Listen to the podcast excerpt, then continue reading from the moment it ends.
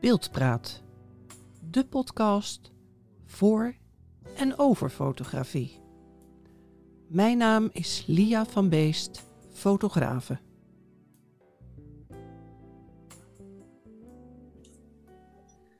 In deze aflevering van Beeldpraat uh, is mijn gast Piet van den Einde. Hij is professioneel fotograaf, reisfotograaf, gespecialiseerd in flitstechnieken en nabewerking. Is een beetje kort door de bocht, denk ik, Piet. Maar, oh nee, dat vat het wel samen. Ja, vat het het samen. Uh, ja. ja. Eh, je bent ook nog uh, gecertificeerd Adobe trainer of, of uh, wat was het ja, ook weer? Expert. Lightroom Certified Expert heet dat, ja. Oh, ja okay. Met een hele mond vol. Ja. Ja, ja. ja, precies. Dus we gaan het vandaag ook hebben over je boek Flash, flitsfotografie op locatie. En ja, ik was er zelf helemaal nog niet zo bekend mee met dat flitsen enzovoort. Maar door dit boek ben ik er wel heel enthousiast over geworden. Moet ik heel eerlijk ja, zeggen. Ja. Dus ik, maar hoe ben je eigenlijk in de fotografie terechtgekomen, Piet? Dat is een, dat is een goede vraag. Ik, ik denk dat ik al een, jaar of twintig ongeveer fotografeer. Ik, ik heb nog het analoge tijdperk meegemaakt. En alhoewel ik het niet echt mis, omdat ik nogal ongeduldig ben uh, en het soms wel lang kon duren, ben ik toch wel blij dat ik het meegemaakt heb. Omdat ik, uh, ik vind dat je, als je het analoge tijdperk meegemaakt hebt, dan weet je eigenlijk hoe verwend we nu zijn met digitaal. Omdat het allemaal instant is. En, en zeker voor, voor flitsfotografie, de, de, de leercurve is veel korter en veel makkelijker geworden dan, dan vroeger. Um, ik herinner me nog dat we in de, in, in de... Want ik heb avondschool gevolgd, uh, vier jaar of vijf jaar zelfs, met de bedoeling om mij dan te vestigen. Dat ik een, we hadden toen in België een vestigingsattest nodig en net toen mijn uh, avondschool afgewerkt was, uh, werd ook die, uh, die vereiste van dat vestigingsattest afgeschaft. Dus had ik eigenlijk uh, voor niks, om het zo te zeggen, dat diploma gehaald. Want iedereen kon zich dan als fotograaf vestigen. Ja. Maar enfin, ik heb het toch maar geleerd. Um, en ik herinner me nog, ik, ik heb nog flitsfotografie gehad in het analoge tijdperk. En het duurde dan ongeveer een week tussen de, het maken van de foto, of het maken van de vergissing meestal, en het zien dat je foto mislukt was. Maar te tegen dan wist ik totaal niet meer wat ik verkeerd gedaan had. Maar dus dat is ongeveer een jaar of twintig geleden. En dan een, een jaar of tien geleden, uh, of twaalf ondertussen denk ik. Uh, ik zat eigenlijk in, een, in de financiële sector. En um, ik, ik deed fotografie een beetje als een creatief antigif tegenover het, uh, de number crunching daar. En, en toen ben ik daar eigenlijk samen met een aantal collega's ben ik daar mijn werk kwijtgeraakt. En de meeste mensen zouden dan eigenlijk misschien verdrietig zijn. Maar ik zag het eigenlijk als een kans, omdat ik daar toch wel wat op uitgekeken was ook. En, um, en dan ben ik eigenlijk beginnen denken van, kan ik niet met fotografie mijn brood verdienen? Maar omdat ik ook niet onmiddellijk zin had om puur van de fotografie te leven, want dan ging dat in opdracht van iemand anders moeten zijn, heb ik eigenlijk, of ben ik begonnen met Lightroom training te geven ooit. Dat is mijn allereerste stap geweest. En, um, en van het een is het ander gekomen. Van Lightroom is Photoshop gekomen en van Photoshop is flitsfotografie gekomen.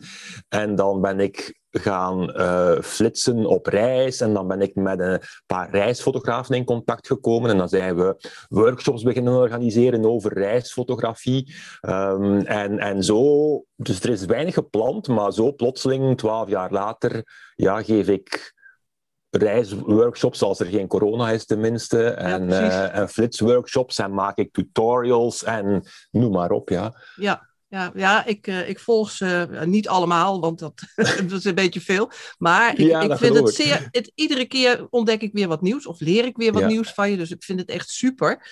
Dus, um, maar uh, heb je ook nog een bepaalde fotostijl? Dat je, want ik vind. Ja, Goh, ja, in je reisfotografie zie ik heel veel prachtige foto's India en het heeft een beetje dat filmische. Dat, dat film... Ja, dat, dat probeer ik wel. Uh, ik, uh, ja, ik, ik, is dat een stijl? Uh, ik, ik, ik denk dat je, je ziet wel bijvoorbeeld dat ik goed naar de, naar de Hollandse meesters gekeken heb. Hè. Er zit de, de belichting. ik, ik heb eigenlijk. Um, ik kan wel meerdere belichtingsstijlen, maar ik, ik graviteer altijd naar eigenlijk hetzelfde. En dat is, om het technisch te zeggen, short Rembrandt light. Dus ehm, dat is, uh, en dat doet heel veel. En ik werk ook wel met een beperkt, heel beperkte scherptediepte als ik kan. Dus dat heeft dan ook weer een beetje dat filmische.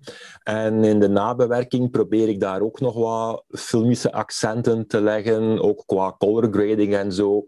En dat geeft inderdaad een, een bepaalde stijl, denk ik, waardoor dat sommige mensen ook wel zeggen van ja, je ziet dat dat een, een foto van jou is en dat vind ik eigenlijk wel, ja, dat vind ik wel een compliment. Ja. Um, ja, dat is het zeker. Nou, dan gaan we uh, dat boek uh, wat je uh, geschreven hebt, de, volgens mij is er al de tweede druk, is al in aan. Ja, de, ja, ja, inderdaad. Ja, nou, het boek heet dus Flash Flitsfotografie op locatie. En ik vind het altijd belangrijk als ik het boek in mijn handen heb, hoe voelt dat dan?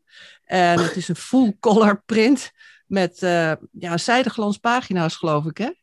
Ja, ja, ik weet niet wat, wat de juiste term is, maar het is inderdaad, het is... Uh, het, het, is geen krantenpapier. Ik, vind het belangrijk dat het er, ja, ik vind dat het er mooi moet uitzien. En het is ook in, uh, in eigen beheer uitgegeven. Um, nadat mijn eerste uitgeverij failliet gegaan is en de tweede waarmee ik werkte, Pearson, die zijn gestopt met het uh, maken van dit soort van educatieve boeken. En dan mm-hmm. had ik het wel gehad en dan dacht ik van ik doe het gewoon zelf. Ja, dat is altijd het beste. Uh, dat ja, dat bevalt me eigenlijk prima. En, uh, en dus ja, het is ondertussen inderdaad de tweede druk. Ja, ja, ja dus het... inhoudelijk en zo. Ja, ja.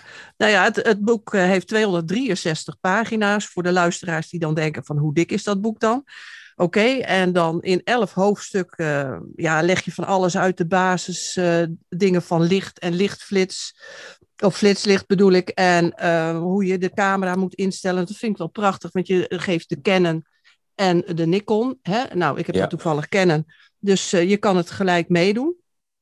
Um, maar flitslicht, dat is niet 1, 2, 3.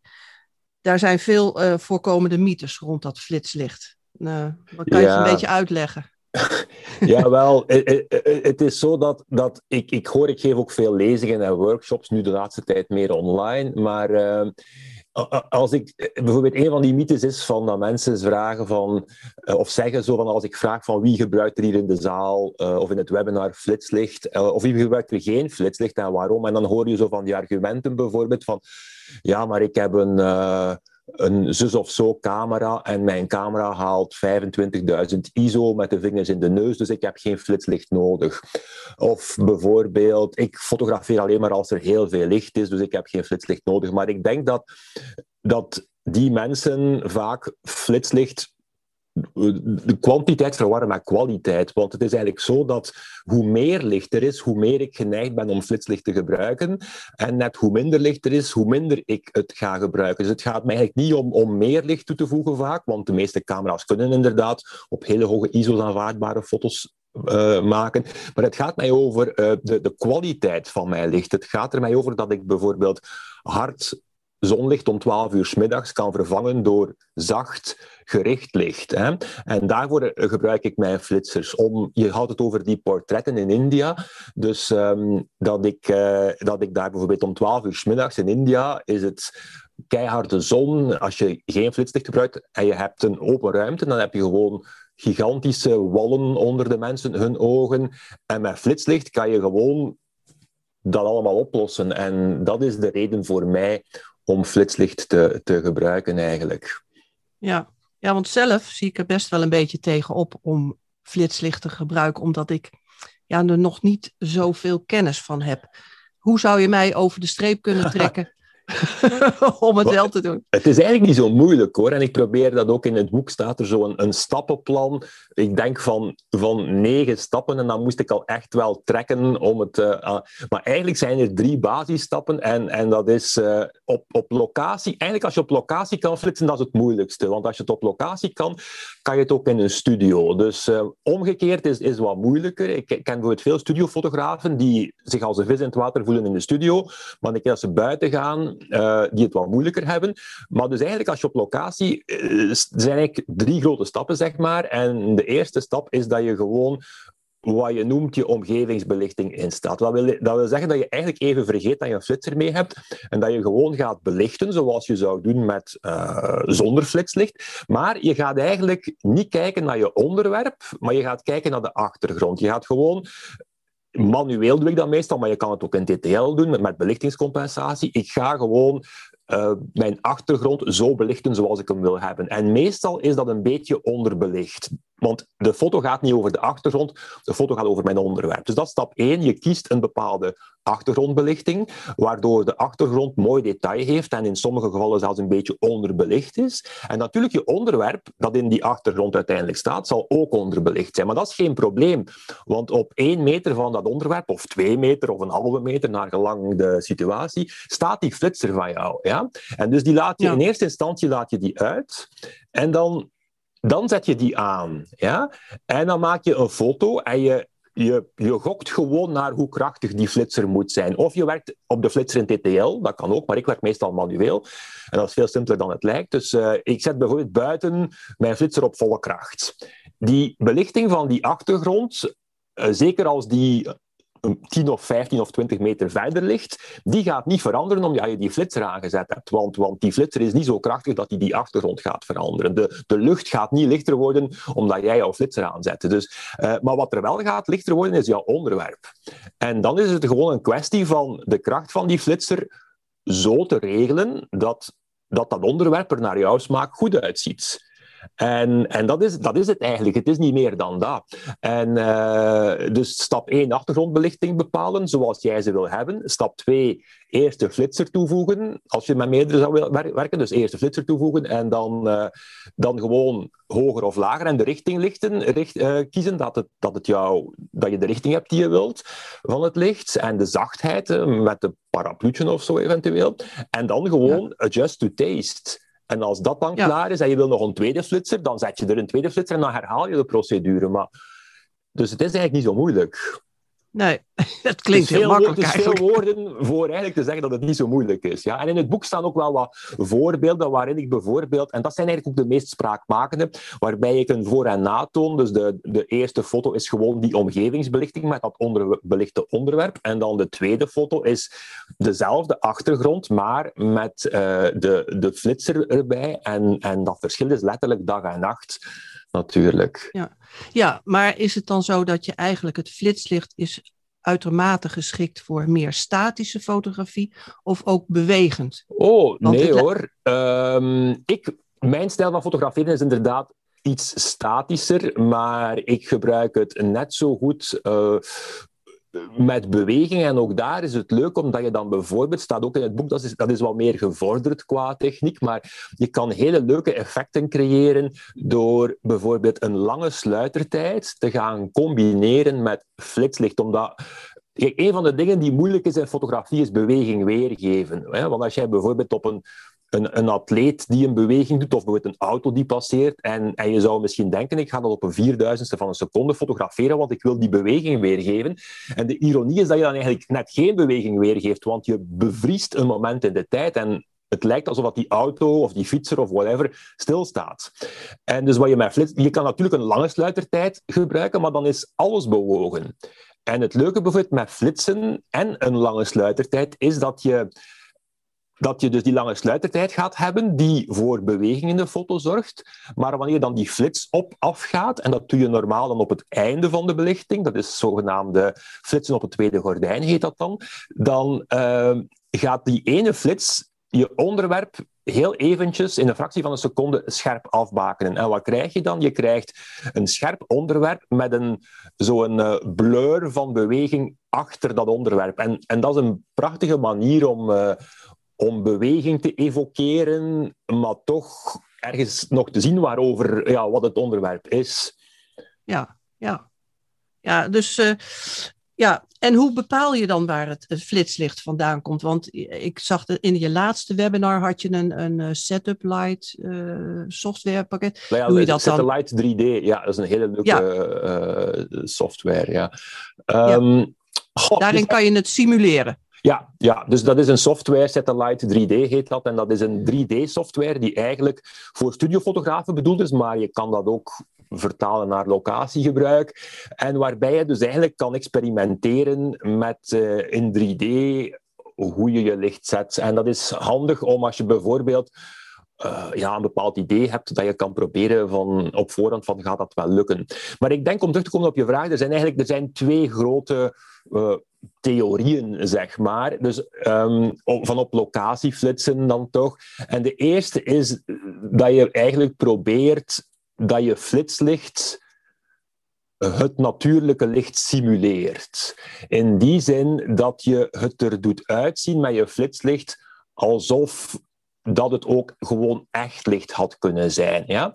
En mm -hmm. dat, dat doe ik soms, maar ik vind niet dat dat moet. Um, want bijvoorbeeld als je kijkt naar reclamefotografie die op locatie gemaakt is, en ook veel van mijn foto's, wat ik bijvoorbeeld heel vaak doe, is dat ik net in tegenlicht fotografeer, dus dat de zon achter mijn onderwerp zit en normaal mijn onderwerp super in de schaduw zou staan, maar ik dan van de tegenovergestelde kant een flitser gebruik. Dus dat is niet echt realistisch, want er zijn maar uh, er is maar één zon natuurlijk. En als die achter mijn onderwerp staat, kan die niet ook aan de andere kant staan. staan.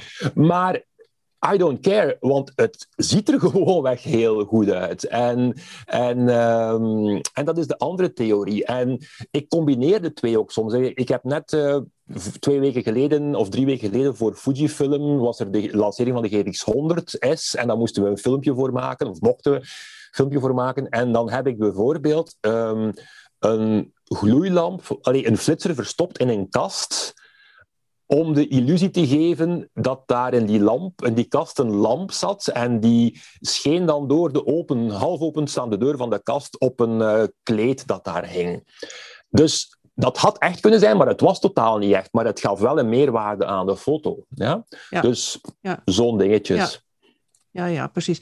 En hoe zit dat dan nu met die flitsers? Die neem je mee op locatie, mm -hmm. hè, zeg maar buiten, en daar zit een accu aan. Ja.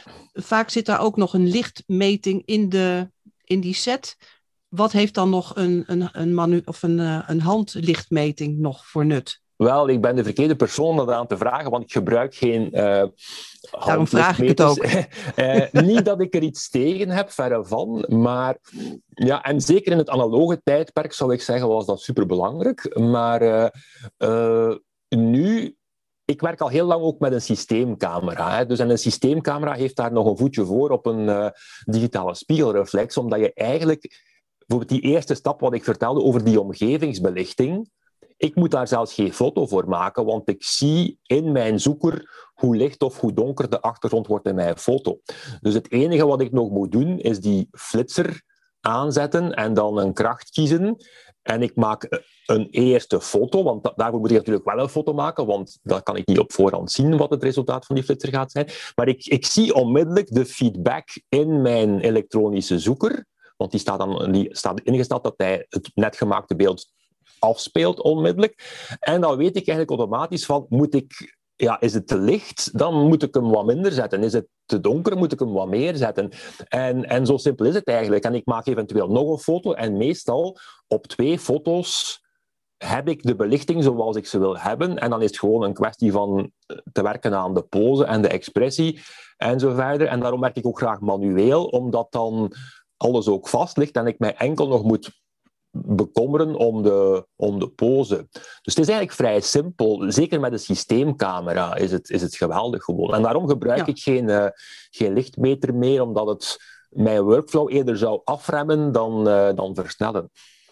Ja, ja, dit was een vraag van een, eh, een vriend op, op een Facebook die zegt van, nou, vraag Piet dat eens even. en ik weet dat hij geen lichtme lichtmeter gebruikt, dus en ook daar slaat hij wel op aan. Ja, ik werk ook veel in high-speed sync, wat wil zeggen, zeker buiten, als je bijvoorbeeld met een wijd open lens wil werken, dan moet je vaak naar sluitertijden gaan van een, een 2 of 4000ste bijvoorbeeld.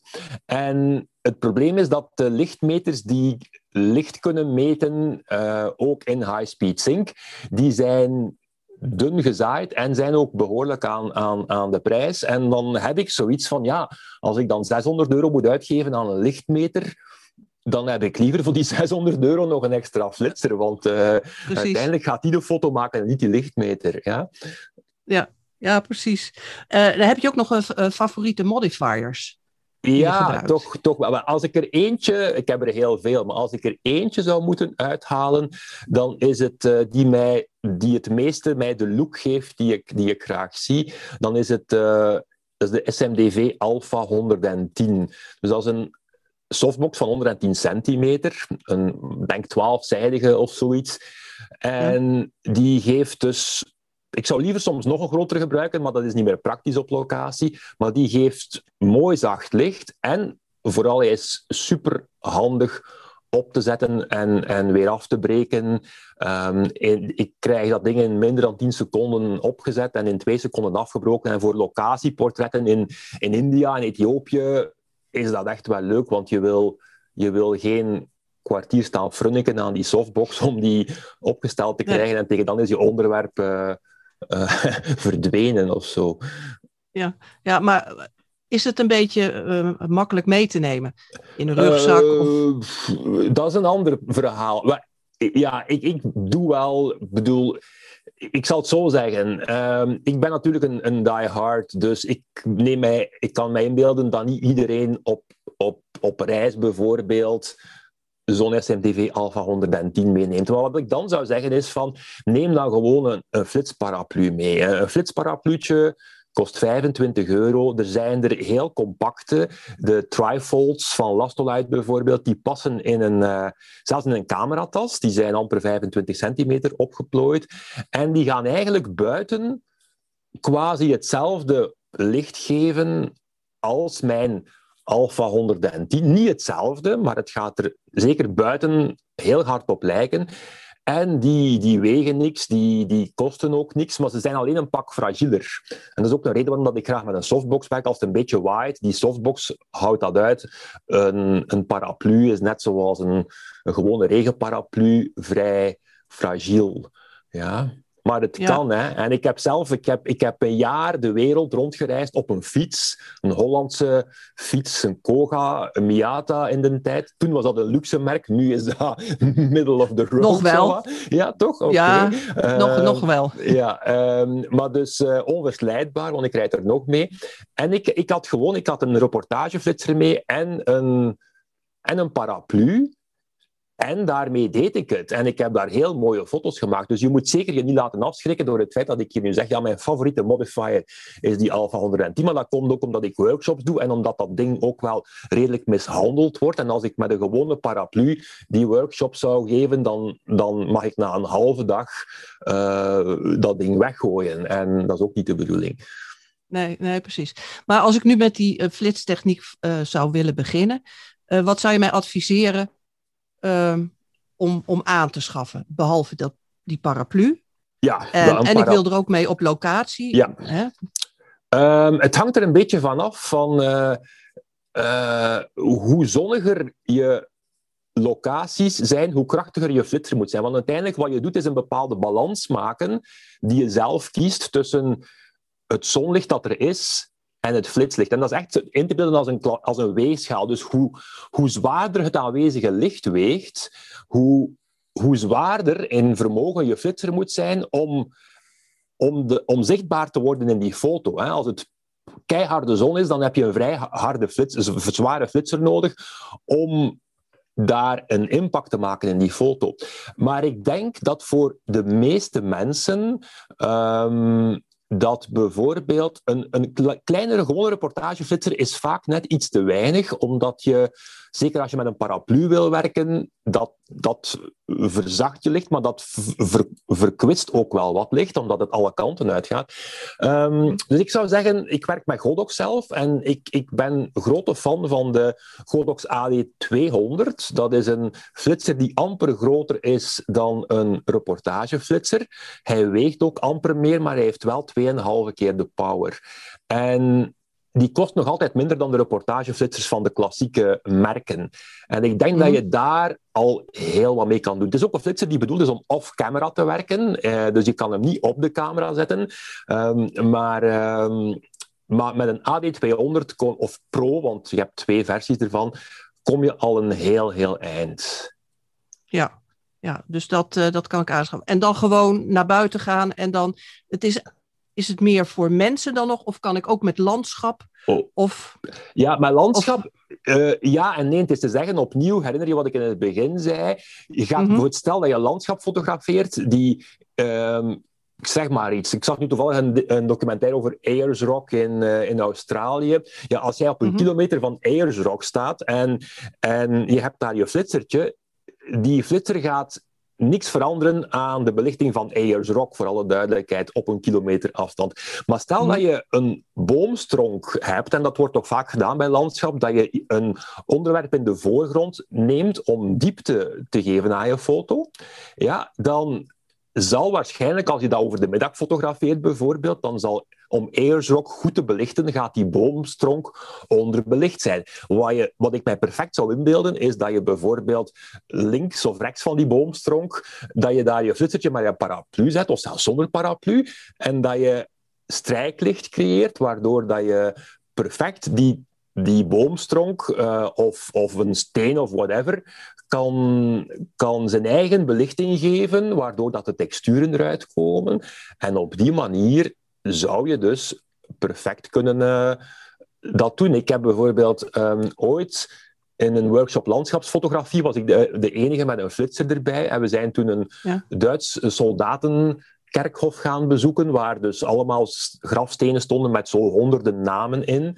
En ik heb toen een flitser, staat ook in het boek dat voorbeeld, heb ik niet met zacht licht gewerkt, want ik geloof dat je licht moet passen bij de sfeer die je wil evokeren. Dus ik heb net heel hard licht gebruikt en ik heb eigenlijk een soort van een beam of light gecreëerd, um, waar, waar het precies ja, heel theatraal, heel dramatisch omdat dat paste bij het onderwerp. Maar dat, daar was geen mens te bespeuren. Dus, dus uh, zeker niet denken van, ja, flitslicht is enkel voor, voor, voor mensen. Hoofdzakelijk wel natuurlijk, maar je kan er ook heel leuke andere dingen mee doen. Ja. ja, ja. En hoe zie je dat dan met, uh, ik heb dan zelf van die uh, kleine Loom-cube dingetjes ja. hè, voor onderweg. Dat is ledlicht. Ja.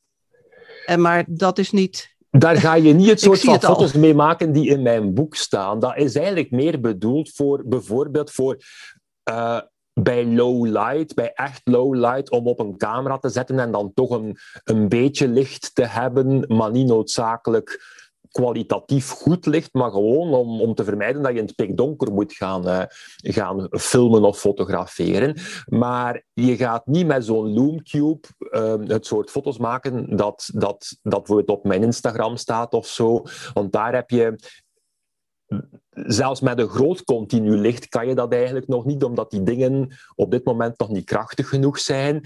Uh, een, een, flitser heeft, het leuke aan een flitser is dat het het heeft een heel hoog piekvermogen. Dus er komt in een fractie van een seconde komt daar een gigantische hoeveelheid licht vrij. En je camera vangt die, het gros van die gigantische hoeveelheid op. En, en uh, daarom kan je overdag, als er al veel licht is, perfect met zo'n flitser nog, nog een impact maken in je foto. Maar met een Loomcube gaat dat niet lukken, helaas. Nee, Sorry. nee. ik nee, vond dat, het kon, hè, want, want, ik zou ook liever zo'n Loomcube van, wat is het, 3 op 3 op drie centimeter meenemen en dat ding weegt ja. 50 gram, tegenover ja. een, uh, een flitser van, van, ik werk soms met flitsers van 2, 3 kilo op reis. Um, en, en ja, moest het kunnen, graag, maar voorlopig ja. niet. Nee. Nee, ik heb al achter mijn fiets zo'n uh, zo'n fietskarretje waar ik al mijn uh, fotografiespullen in doe. Want het wordt steeds meer, hè? Ja, dus het is echt uh, ik, ik deed dat aan mijn, mijn paraplu ging aan mijn stuurtas.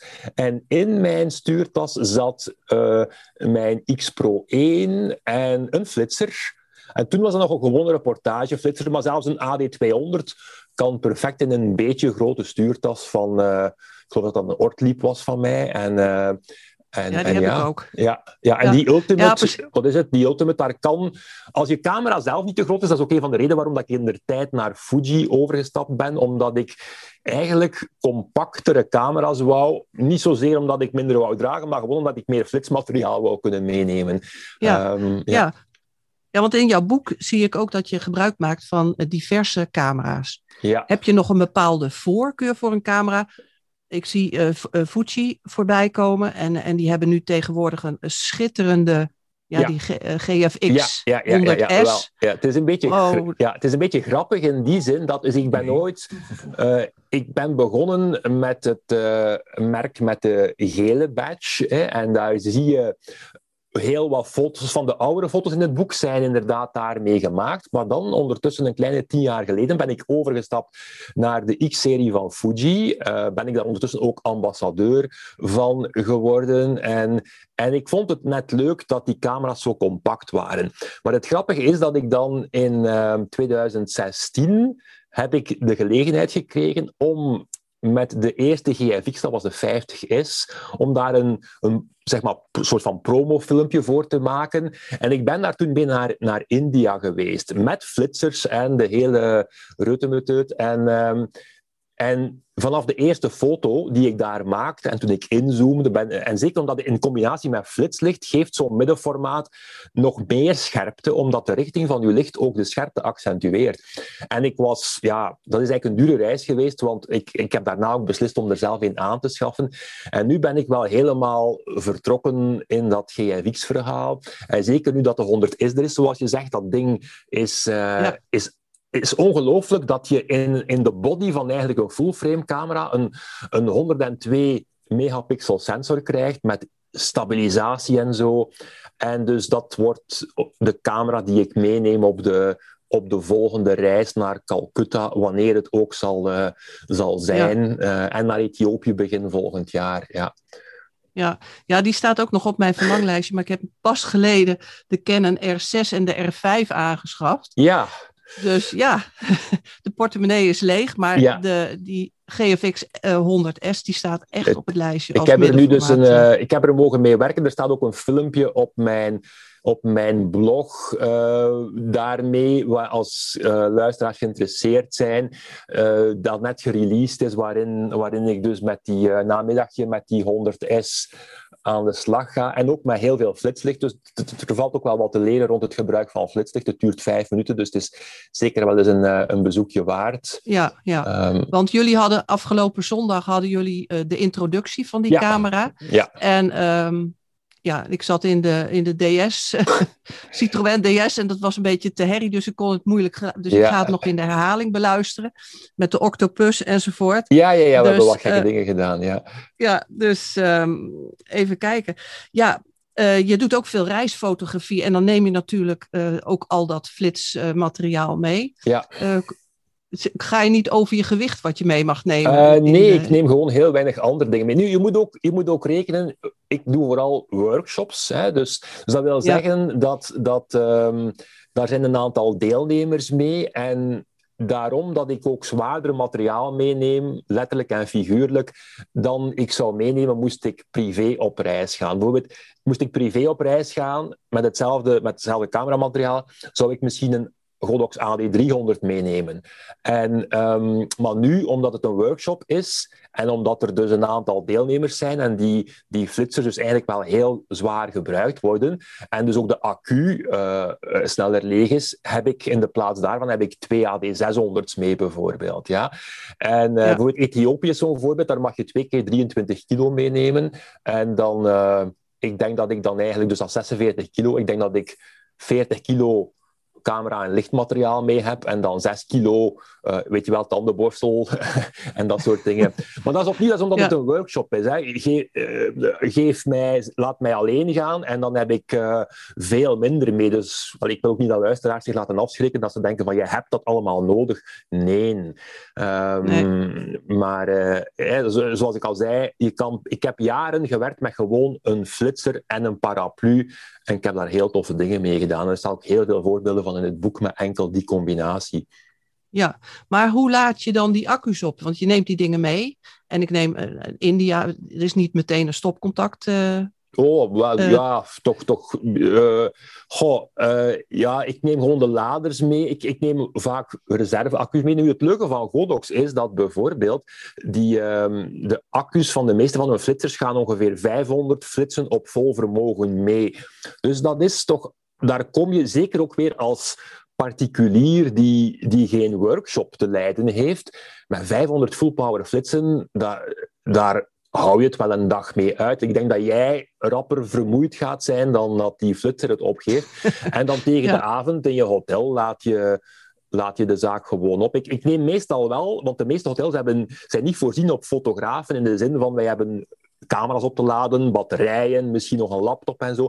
Dus ik neem meestal wel zo'n, zo'n, uh, zo'n hoe noem je dat, een powerstrip mee. Uh, dus, dus zo ja, powerbank? nee, geen powerbank, een, een, een, zo'n strip met zo drie, drie uh, stopcontacten van één naar drie, zodanig dat je wat verschillende dingen tegelijk kan laden. Dat ik mijn wekker niet moet zetten om halverwege de nacht uh, de ene Weer om te, te vervangen. Ja, voilà. En powerbanks ja. heb ik ook wel bij, hoor. maar dat is dan meer voor de camera op te laden, want flitsers opladen met een powerbank, dat is toch niet zo evident.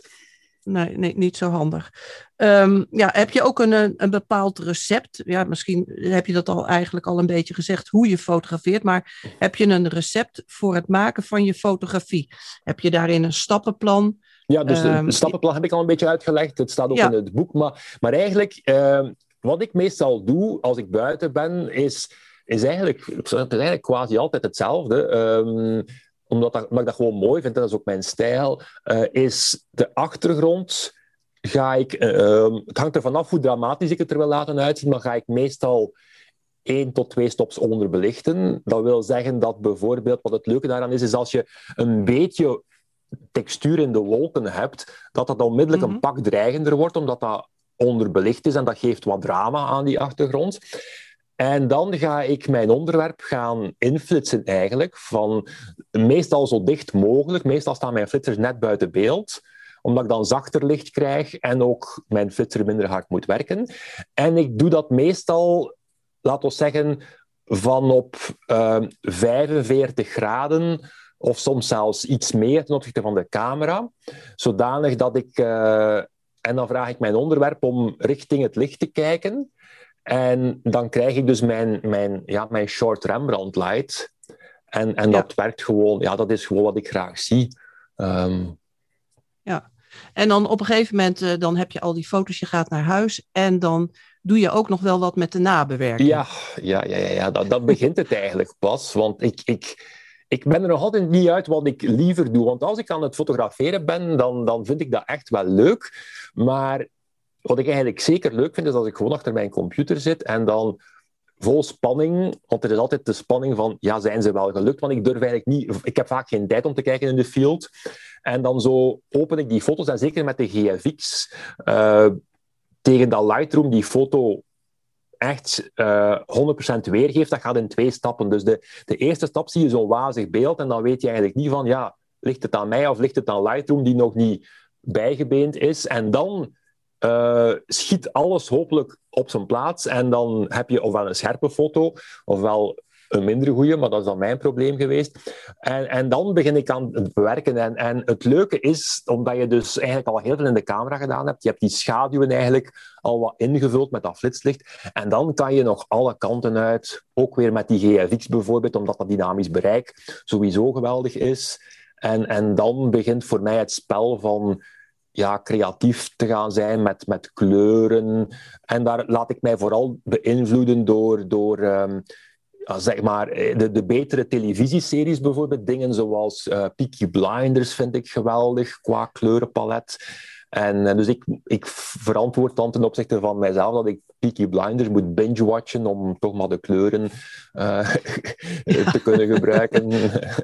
ja, ja, precies. Ja. precies. Ja, nee, maar dat, ik heb de laatste webinar van je uh, over Luminar uh, AI ja. gezien. En heb je nu ook zoiets van, nou, ik sla Lightroom nu maar over. Ik ga alleen maar in dat Luminar werken. Nee, ik gebruik het of... als een plugin, omdat ik houd te ja. veel. Ik, ik heb heel veel uh, presets en profiles in Lightroom, waar ik eigenlijk vaak met een paar klikken geraak waar ik wil zijn. Dus ik, ik gebruik nog altijd Luminar als mijn hoofd... Uh, sorry, Lightroom als mijn hoofdpakket. Maar ik gebruik wel Luminar als een plugin, omdat je uh, voor zaken zoals huidverzachting of de occasionele nieuwe lucht die je er wil inzetten, gebruik ik dan Luminar. En voor die, wat is het, 60, 70 euro dat het, dat het kost, is dat een, een heel mooie aanvulling op, uh, op Lightroom.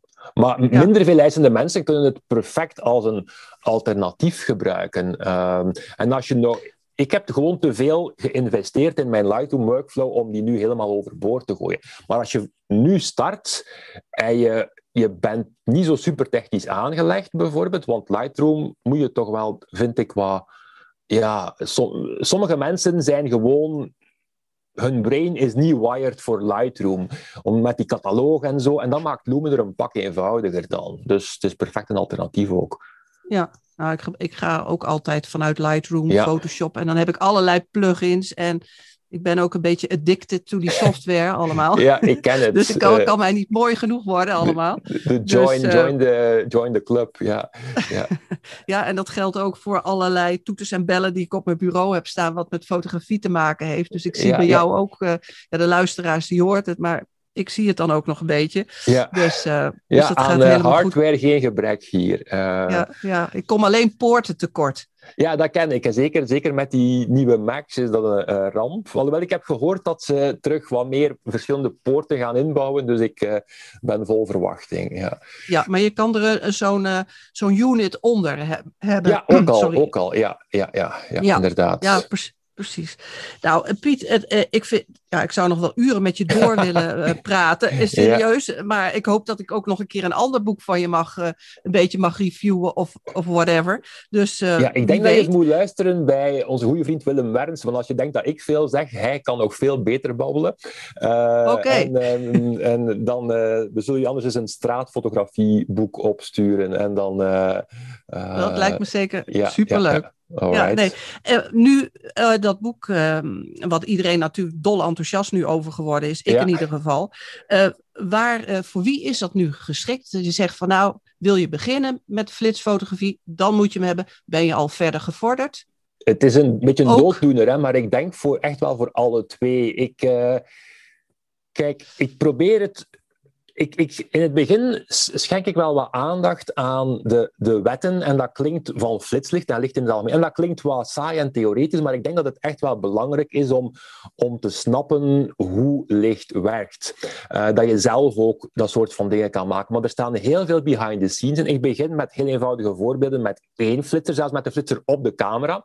Dat, is, omdat je, dat, soms moet je dat ook zo doen. Dat is een kort hoofdstukje, maar het staat er wel in.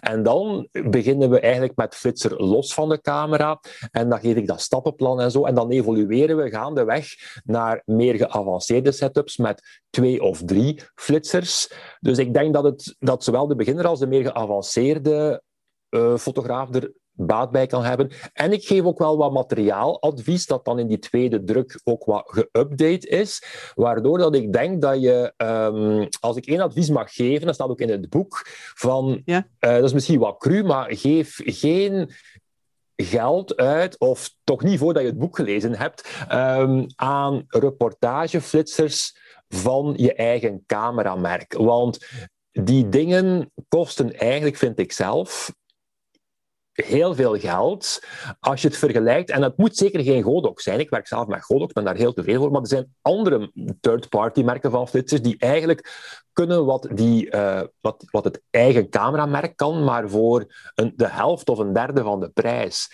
En dat geld dat je uitspaart, daarmee kan je dan een accessoire kopen, zoals een paraplu of een softbox. Want uiteindelijk is het die softbox of die paraplu die gaat bepalen hoe dat je foto eruit ziet en niet de lichtbron erachter. Want een, een flitser van, van 600 euro of een flitser van 200 euro, een reportageflitser, het is alle twee een kop van 15 vierkante centimeter. Dus het gaat alle twee dezelfde soort van licht geven. Dus ik heb liever een flitser van 200 euro en 400 euro aan lichtmateriaal, aan modifiers, aan softboxen waar ik uit kan kiezen, dan een flitser van 600 euro waar ik geen geld meer over heb voor de, voor de accessoires die uiteindelijk de look van de foto gaan bepalen. Ja, ja. nou dat zijn, dat, dat, is een, dat zijn hele goede tips, Piet. Ja. Waar kan ik het boek bestellen? Um, je kan het, het simpelste is eigenlijk dat je het bestelt via morethanwords.be slash flash. En als je, dat, dat, is dan, dat gaat via mij. Het is, de verzending naar België en Nederland is inbegrepen. En dan heb je ook de keuze uit, we noemen dat ja, edities. Het is eigenlijk maar één editie, maar er is de standaard edition, dat is gewoon dat is het boek.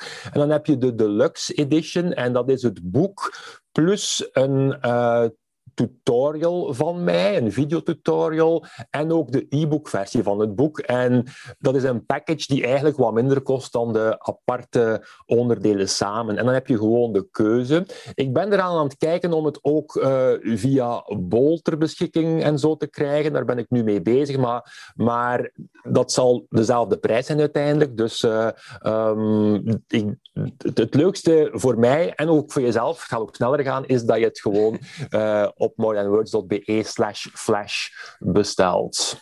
Ja, nou, ik zal uh, bij deze podcast de link in de beschrijving zetten. Ja. En dan. Uh, Super, nou, bedankt. Dan, dan uh, dat lijkt me hartstikke leuk. En wanneer komt de tweede editie uit, of is die al uit? De tweede editie is al uit. Uh, oh, heb ik hem dan al? Ja, degene met de springende, in het zwart geklede danseres op de cover, dat is de tweede. Ja, want dat is ook het leuke. Ik probeer steeds dat ik zelf de baas ben over mijn boeken, mogen als ik een, boek maak, meestal, het is nu wel wat traditie geworden, dat mijn lezers en mijn nieuwsbriefabonnees ook de cover mogen kiezen. En bijvoorbeeld deze cover is gekozen uit een, uh, een, reeks van zes ontwerpen die ik gemaakt had. En het was een nek-aan-nek race met nummer twee, maar uiteindelijk, uh, het publiek heeft beslist dat dit de, de cover ging worden. En ik, ik, ja, ik ben nu bezig met een aantal andere projecten. Ik ben bezig met een boek over reisfotografie, dat eigenlijk waren ook veel flits al in voorkomen, uiteraard, maar het is echt breder. Het is, het is 101 tips voor reisfotografie. Maar ja, dat ging eigenlijk vorig jaar klaar zijn. Um, maar dan met corona heb ik besloten om dat wat uit te stellen, want nu, nu zit geen, geen kat te wachten op een boek over reisfotografie, denk ik. Uh, nee. Maar dus hopelijk begin volgend jaar, uh, of, of einde dit jaar, dat dat het, het levenslicht zal zien.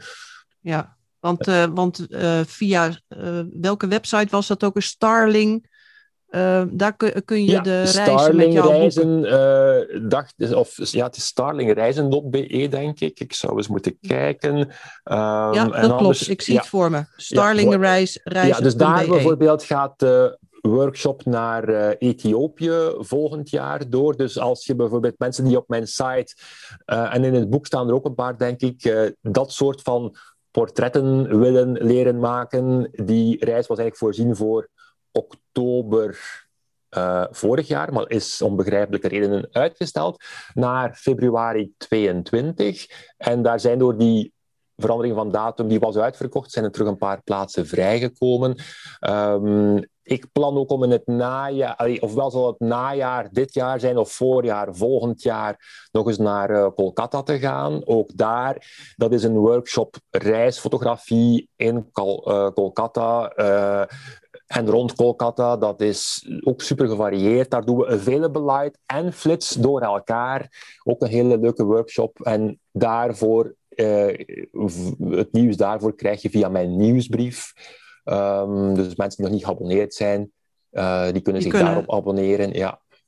Dan zet ik daar ook een link, link uh, in, de, in de tekst.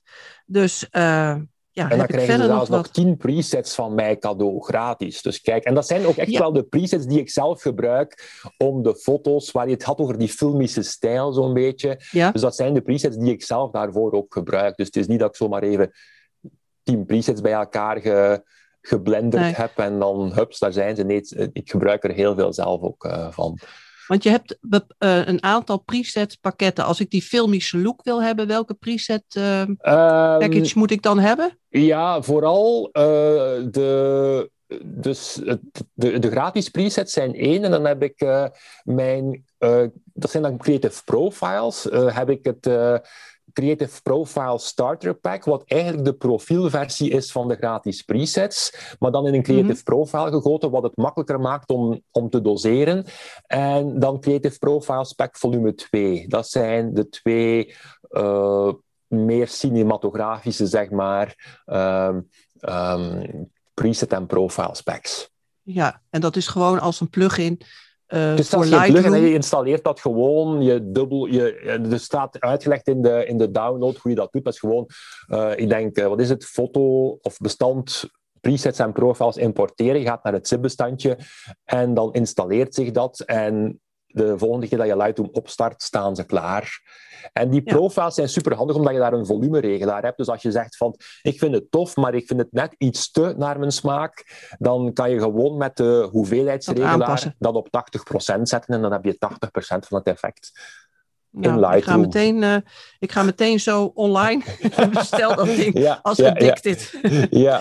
Piet, uh, uh, wil je nog wat kwijt verder? Of uh, heb je nog een webinar leuk uh, op stapel staan ik heb waar we op in kunnen schrijven? wanneer dat, uh, wanneer dat dit uh, op uitgezonden zal worden, maar ik heb op 6 april is mijn volgende webinar en dat is een webinar, we hadden er in de introductie over, over het gebruik, vijf redenen om als fotograaf een grafisch tablet te gebruiken, al dan niet met een ingebouwd scherm. Um, en ik denk dat dat wel interessant zal zijn, omdat uh, mensen denken vaak dat die dingen voor uh, pure grafici zijn, maar ik ga je een aantal voorbeelden tonen waarom ik denk dat ook voor fotografen die vaak selecties moeten maken en zo, of moeten foto's retoucheren, waarom dat, dat echt wel een meerwaarde biedt. En er valt ook een, uh, een grafisch tablet te winnen in dat webinar, dus dat is ook wel leuk. De sponsor XP Pen heeft er eentje ter beschikking gesteld. Nou, en dat zijn hele goede tablets, weet ik uit ervaring, want ik heb er ook ooit één gehad, maar dat was nog heel lang geleden. kijk, kijk, kijk, dus ze zijn helemaal beter geworden met de jaren. Alleen maar beter geworden. dat is helemaal beter geworden. Nou, Piet, mag ik je super bedanken dat je mijn gast wilde zijn. Nee, in jij mijn bedankt podcast. om mij te hebben. Ik ben vereerd. Nou, nee, uh, dat is aan mijn kant uh, vereerd te zijn, want uh, ja, we kunnen nog uren doorgaan, Piet, ik weet het. Ik kom graag nog ehm, eens terug als het uh, reisfotografieboek er is. En ik denk zeker dat Willem ook wel eens een paar woorden wil zeggen over het straatfotografieboek. Dus, uh, dus je nou, dat, niet van uh, dan krijg ik, ik, ik krijg vaak het, graag het e-mailadres van hem. Ja, dan ga ik hem ook contacten. Dankjewel, Piet. Iedereen bedankt voor het luisteren naar deze podcast. Voor meer informatie of het bestellen van het boek Flash, flitsfotografie op locatie van Piet van den Einde, ga dan naar zijn website www.morethanwords.be. Wil je alles nog een keer rustig nalezen? Kijk dan in de tekst bij deze podcast. Daar staat ook de link naar de fotografiereizen. Wil je niets meer missen van deze podcast? Abonneer je dan nu op Beeldpraat. En zodra er een nieuwe aflevering online staat, word je op de hoogte gebracht. Graag tot de volgende beeldpraat.